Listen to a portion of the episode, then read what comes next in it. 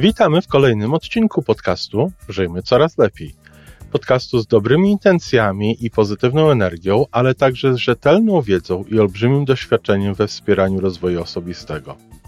Chodzi nam o to, aby ludziom żyło się coraz lepiej, aby byli coraz bardziej spełnieni, radośni i szczęśliwi. A że sposobów na spełnione życie jest tyle, ile ludzi, więc każdy z nas musi znaleźć ten swój. Pięć razy w tygodniu przygotowujemy dla Ciebie nowy, ciekawy odcinek. Jeżeli lubisz nas słuchać, to prosimy o reakcję. Polub nas, skomentuj, napisz, odpowiedz do nas, tak jakbyśmy po prostu sobie rozmawiali. A teraz już zapraszam do wysłuchania kolejnego odcinka. Dzień dobry, kochani, z tej strony Wasz psycholog Iwona Majewska-Opiełka i mamy piątek. A skoro piątek, to znaczy, że będziemy mówić, to znaczy, umówmy się, ja będę mówić, choć bardzo bym chciała, żebyście się do mnie odzywali. E, mówimy o bonmotach, o cytatach, o przysłowiach, powiedzeniach i o różnych innych mądrościach, które ludzie chcą nam przedstawić. No, motywy, dla których chcą nam przedstawić te mądrości są bardzo różne i nie, nie o tym tutaj chciałabym mówić. No, z pewnością sami wierzą w to, kiedy to przekazują dalej. Tylko niestety nie każdy sobie zdaje sprawę z tego, mm, że niektóre y, powiedzenia, choć nawet i prawdziwe, używają niekoniecznie takich słów, jakie są dla nas dobre, jakie są dla nas właściwe, jakie powodują właściwe programowanie podświadomości.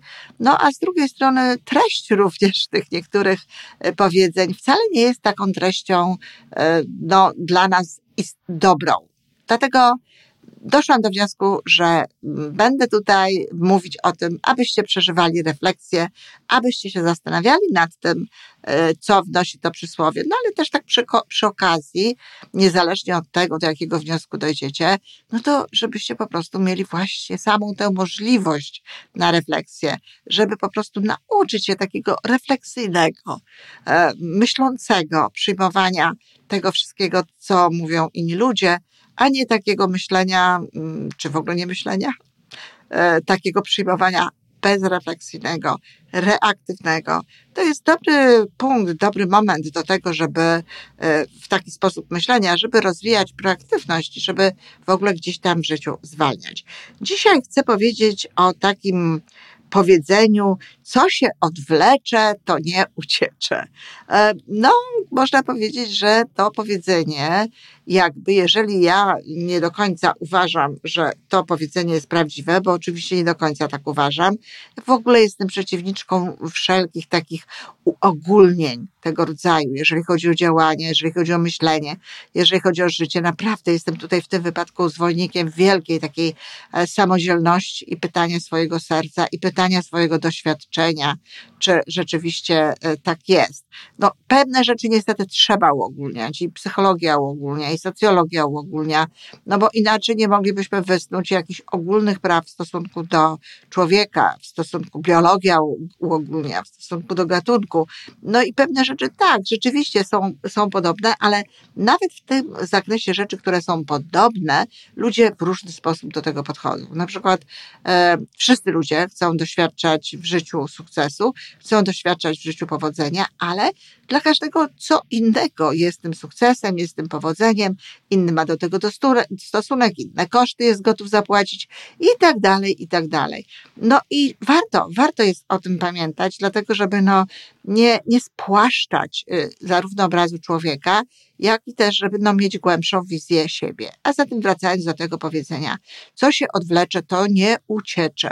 I y, jak to się ma? No popatrzcie, przecież mówiłam o tym, że niekoniecznie tak również jest, że lepszy jest wróbel, wróbel w garści niż gołąb na dachu. Te dwa powiedzenia jakby no są, łączą się ze sobą. Jeżeli ktoś uważa tak jak ja, że czasami i to nawet dość często warto jest poczekać na gołębia, warto jest jednak no, y, dążyć do tego, żeby mieć gołębia, a nie tego wróbla w garści, to powinnam również uważać, że jest to tak, że no, częściej, y, je, częściej nieprawdą jest, e, y, jakoby no nie, powinnam uważać, że jeżeli coś się odwlecze, to nie uciecze, no bo wiadomo, że tutaj potrzeba czasu i w związku z tym e, trzeba jakby iść w tym kierunku.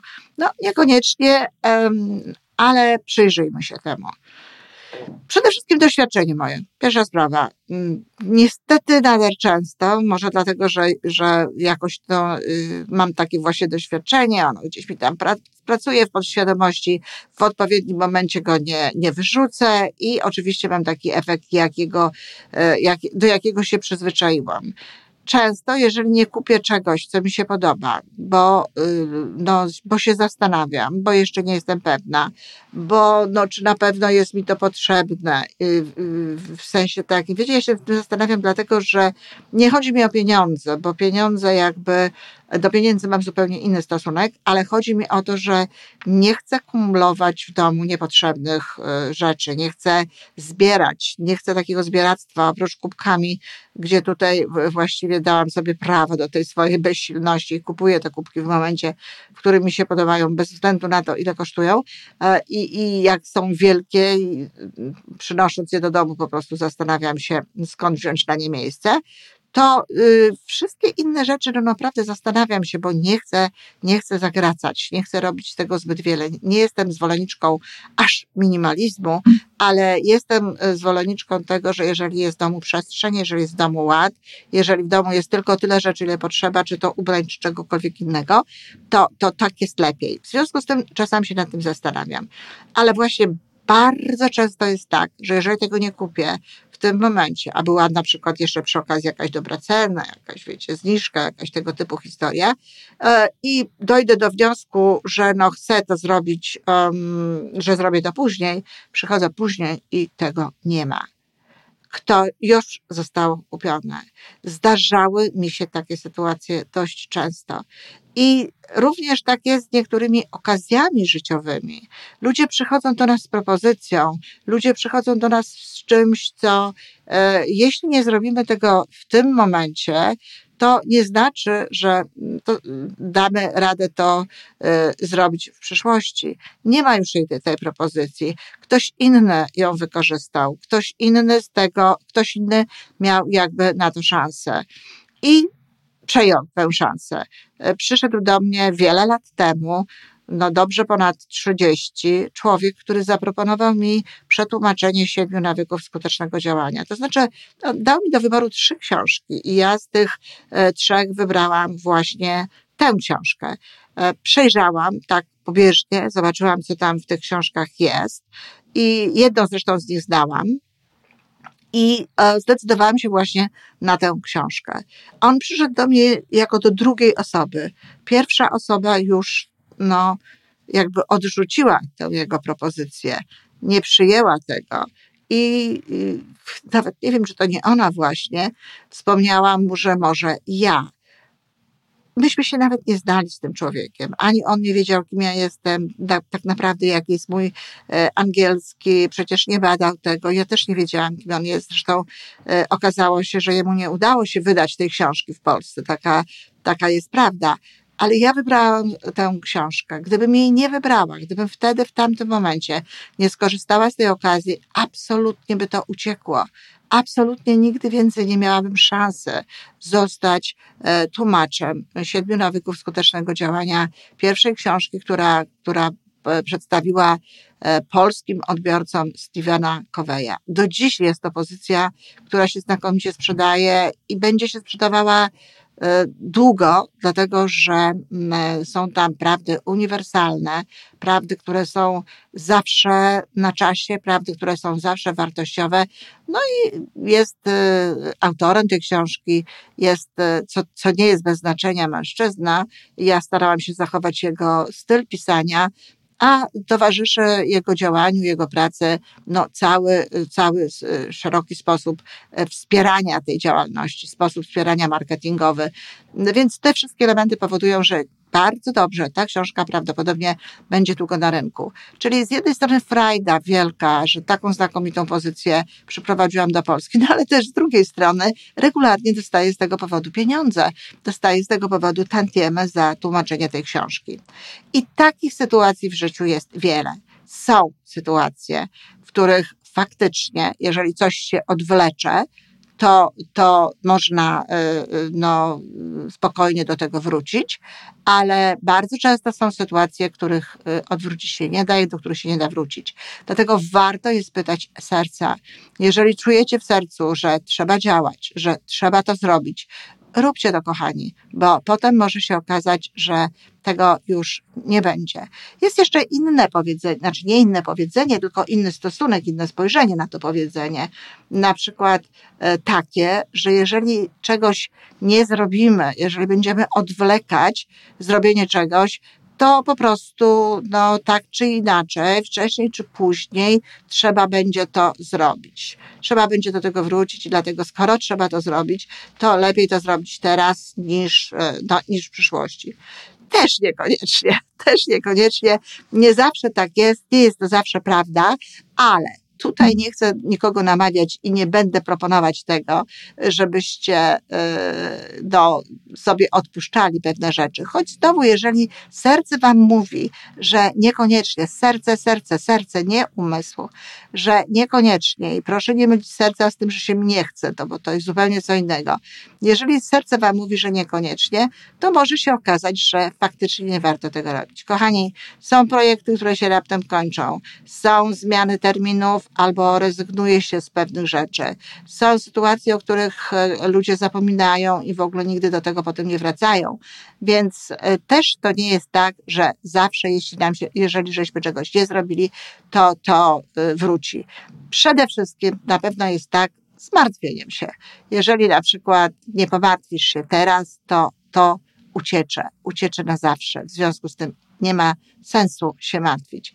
E, to jest jedna z moich dewiz. Nie martwię się w tym momencie, będę się martwiła wtedy, kiedy faktycznie przyjdzie na to czas, kiedy no już sytuacja wyglądać będzie w taki sposób, że martwić się trzeba. Natomiast co innego martwić się, a co innego robić różne rzeczy, no, żeby ta sytuacja się nie powtórzyła. Czyli podsumowując, co się odwlecze, to nie uciecze. Nie, to nie jest prawda. Warto korzystać z wielkich szans, warto korzystać z wielkich okazji, warto być pewnym, że ma się to, na czym naprawdę nam zależy i nie liczyć, nie spodziewać się, że a nuż, a może. Oczywiście w tym momencie wielu poszukiwaczy okazji, osoby, które um, czekają, aż jakaś e, rzecz będzie tańsza. Moja osobista młodsza córka w taki sposób funkcjonuje. Kupuje ubrania na takiej zasadzie, że jeśli jej się coś podoba, to czeka kiedy to zostanie obniżone, kiedy ta cena będzie niższa i wtedy to kupuję. No, poniekąd ma szczęście, dlatego że e, ja w swojej historii zakupów nigdy nie wybrałam czegoś w pierwszym momencie, co potem okazywało się, że zostało przecenione. No niestety, e, tak to jakoś wygląda. Nigdy nie zostało e, przecenione. Natomiast tak i owszem, kiedy tego nie kupiłam, to po prostu już tego nie kupiłam, bo nie było i parę razy było mi tego powodu żal. Czyli słuchamy serca. Słuchamy serca, idziemy za głosem serca, nie wierzymy w takie powiedzenia, że a tam, co się odwleczy, to nie uciecze. Dziękuję. Do następnego razu. To wszystko na dzisiaj.